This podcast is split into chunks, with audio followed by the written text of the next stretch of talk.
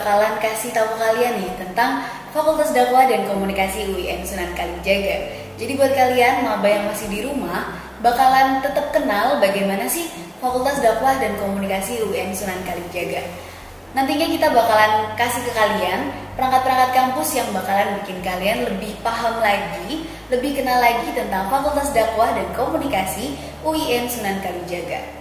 Jadi di episode kali ini kita bakalan langsung datengin ke teman-teman semua Dekan dari Fakultas Dakwah dan Komunikasi UIN Sunan Kalijaga, Ibu Profesor Dr. Hajah Marhumah, MPD.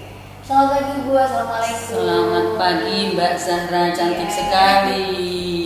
Gimana Bu? Ya. Kabarnya Alhamdulillah. Alhamdulillah sehat-sehat semua. Mudah-mudahan uh, mahasiswa yang sekarang sedang menyaksikan ini sehat semua, terhindar dari COVID-19. Amin. Itu harapan kita sebagai uh, pimpinan di FDK. Iya. Eh, Bu, ini kan teman-teman maba yang ada di rumah tuh kan pengen tahu nih, pengen kenal lebih lanjut gimana sih di Fakultas Dakwah dan Komunikasi UIN Sunan Kalijaga ini Hmm. ada prodi apa saja, terus Hmm. nantinya dari tiap prodi itu kira-kira eh, apa kegiatan yang dilakukan Oh, itu? gitu. Ya, terima kasih Mbak Zahra kesempatan yang baik ya untuk saya menjelaskan. Andaikan tidak COVID mungkin kita bisa berhari-hari menjelaskan. Tapi kali ini saya akan menjelaskan eh, serba sedikit saja. Tapi sebelum itu Mbak Zahra saya ingin mengucapkan selamat datang ya kepada mahasiswa baru di kampus eh, Putih ini, Fakultas Dakwah dan Komunikasi. Kalau dalam tamsil Al-Quran itu ada istilah yang sangat bagus ketika orang akan masuk surga. Jadi teman-teman yang akan masuk ke- FDK itu saya menyampaikan udhuluha bisalamin amin. Masuklah kalian mahasiswa baru ke dalam sebuah surga surga eh, universitas yaitu Fakultas Dakwah dan Komunikasi eh, dengan dosen-dosennya yang sangat ramah, tendiknya sangat ramah dan mahasiswanya juga eh, pasti oke. mahasiswanya pasti oke. Kalau ditanyakan oleh Mbak Zahra berapa prodinya, saya kira eh, teman-teman yang sudah masuk di sini sudah tahu ada lima prodi, prodinya kece-kece sudah A semua. Oh, Sudah kita berikan akreditasi A ya, akreditasi semua. Eh, yang pertama itu adalah KPI. KPI apa singkatannya? Komunikasi dan penyiaran Islam. komunikasi dan penyiaran Islam dari namanya saja sudah me- men- apa namanya men- menyaratkan menyaratkan bahwa nanti lulusannya ini diharapkan untuk memang menjadi bagaimana mereka bisa menyiarkan ya agama Islam itu dengan ramah rahmatan lil alamin jadi nanti lulusannya itu akan menjadi penyiar-penyiar baik televisi, radio, menyampaikan dakwah kepada masyarakat yang rahmatan lil alamin, ya, yang rahmatan lil alamin berdasarkan kepada prinsip-prinsip Islam. Kemudian ada BKI ya, BKI apa?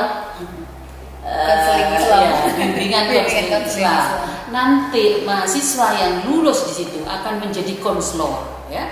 Konselor itu baik di sekolah, baik di masyarakat, di instansi-instansi. Karena kita yang ada di sini kurikulumnya itu semua mengarahkan kepada mereka untuk menjadi eh, konselor itu, untuk menjadi psikolog. Kita persiapkan bagaimana ketika dia di masyarakat, bagaimana ketika dia menjadi dai dan daiyah di masyarakat ketika menyampaikan pesan-pesan agama.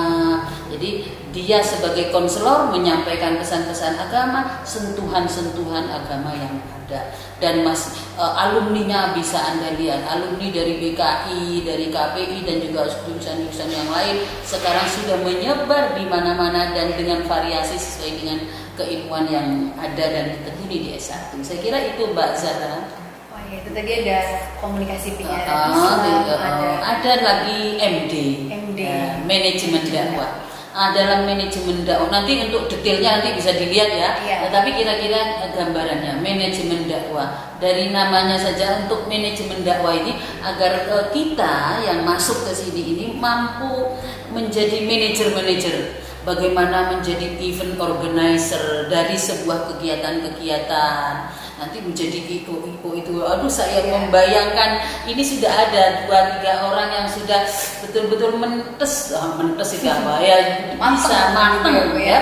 Saya kira kita harus belajar. Nanti ada sangat banyak sekali karena dalam kurikulum merdeka ini nanti diharapkan mahasiswa memang tidak terlalu banyak di kelas langsung praktek praktek praktek. Kemudian yang dari praktek itu nanti akan diteorisasikan. Kalau dulu teori teori sampai banyak 90% prakteknya 10% sekarang dibalik. Eh, praktek itu yang banyak magang di tempat eh, apa namanya majelis-majelis dakwah di tempat-tempat uh, organisasi-organisasi dakwah yang bergerak di bidang dakwah mereka mempelajari bagaimana organisasinya bagaimana manajemennya.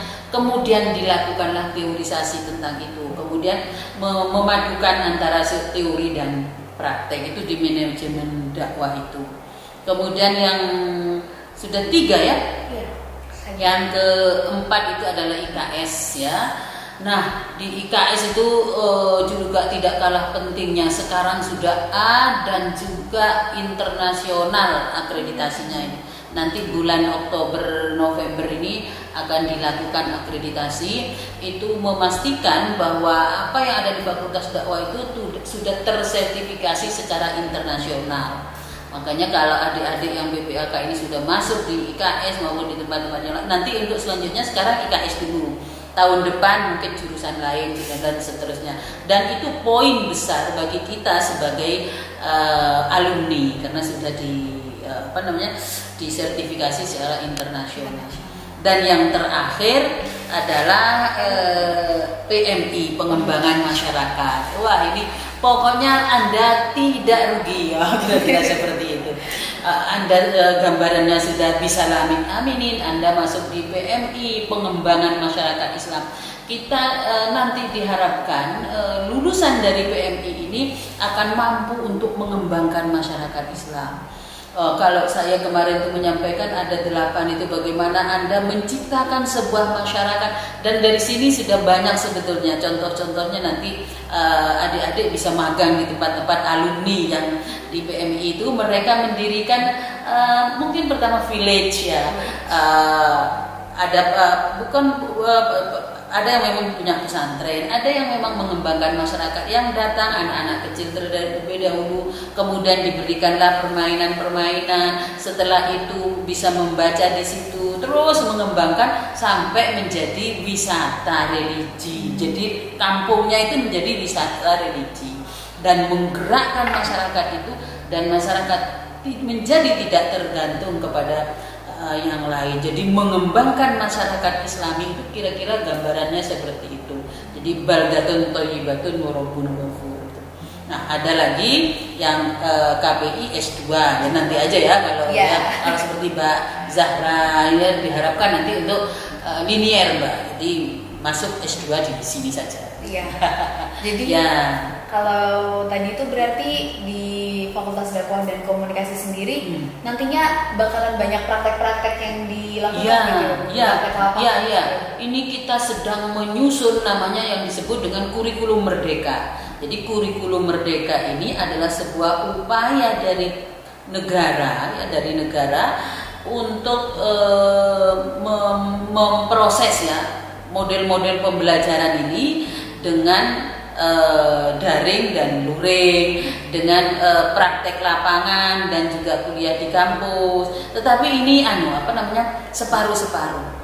Kalau dulu sekali lagi harus nunggu KKN. Kalau sekarang enggak.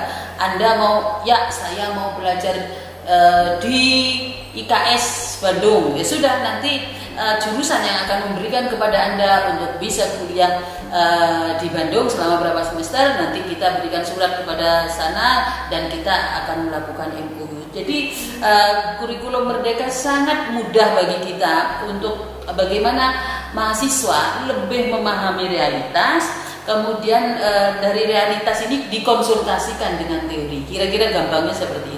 Itulah Eh, kampus merdeka dan itulah kurikulum merdeka. Jadi mahasiswa nanti dengan mudah untuk melihat saya mau mengambil untuk materi uh, kuliah misalnya pengembangan masyarakat misalnya. saya akan mengambil di UGM, saya akan mengambil di APMD karena saya ini yang sudah punya kerjasama dengan uh, Fakultas Dakwah. Uh, jadi seperti itu. Anda mau ngambil dan kalau misalnya ini masih e, dirancang dan mudah-mudahan Anda bisa melaksanakan dan Covid segera berlalu.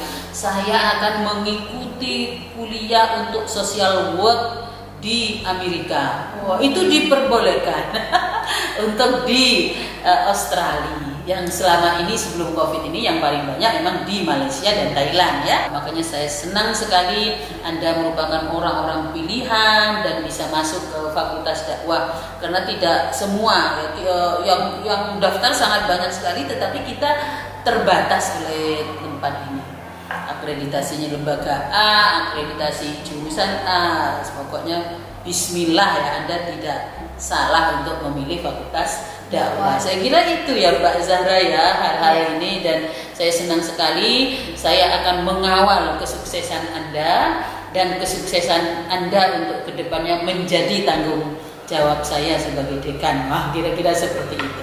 Kalau Anda mengikuti proses secara benar sesuai dengan aturan dan mengikuti jangan terlalu lama menjadi mahasiswa ya nanti ya uh, cukup tiga setengah tahun empat tahun kemudian anda bisa berproses uh, seperti kesaksisan teman-teman kita yang sudah uh, sukses itu. Saya kira itu ya Mbak Zahra ya. Iya.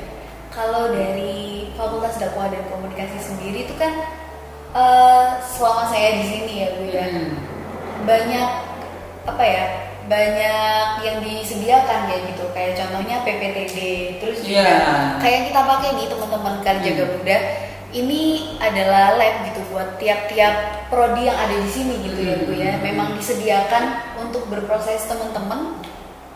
Ya, saya kira nanti Anda kalau sudah wah sayang ya, Anda nanti sebetulnya ada kampus tour harusnya ya, ya kampus tour. Anda harus kita punya fasilitas yang luar biasa dengan TV-TV yang lain. Tapi, ini rahasia ya. Ini dengan TV-TV ya. yang lain itu kita bisa bersaing. Ya. Ruangannya sangat bagus, fasilitasnya memenuhi standar untuk dibukanya TV, untuk dibukanya radio, dan juga untuk uh, recording-recording yang lain. Alat-alatnya juga sudah canggih. Nah, nanti Anda bisa melihat itu PPTD, kemudian ini ada apa namanya?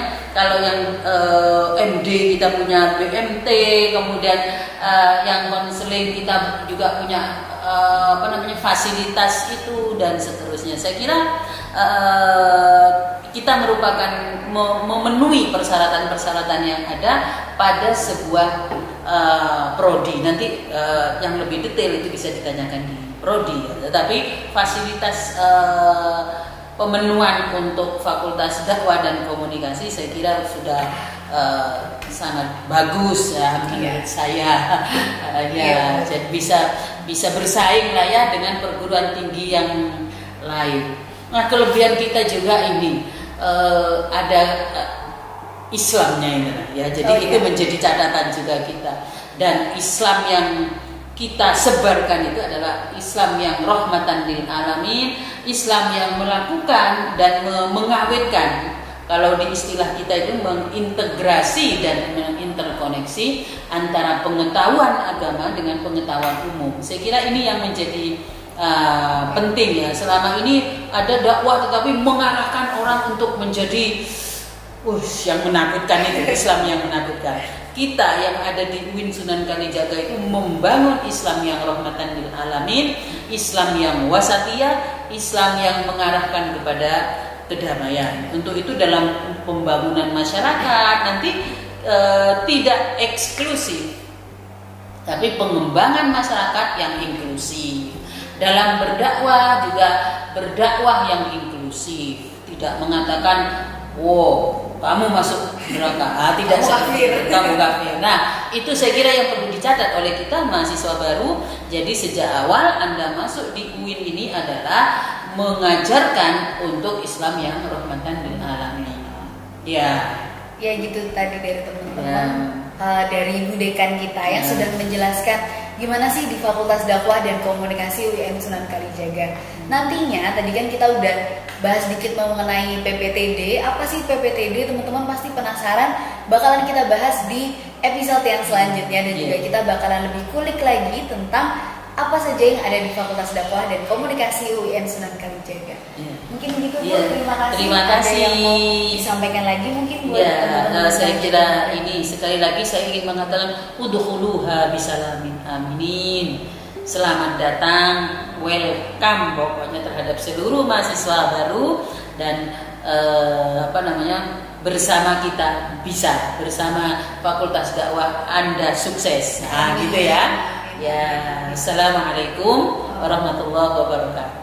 Terima kasih teman-teman, sampai jumpa di podcast yang selanjutnya. Wassalamualaikum warahmatullahi wabarakatuh.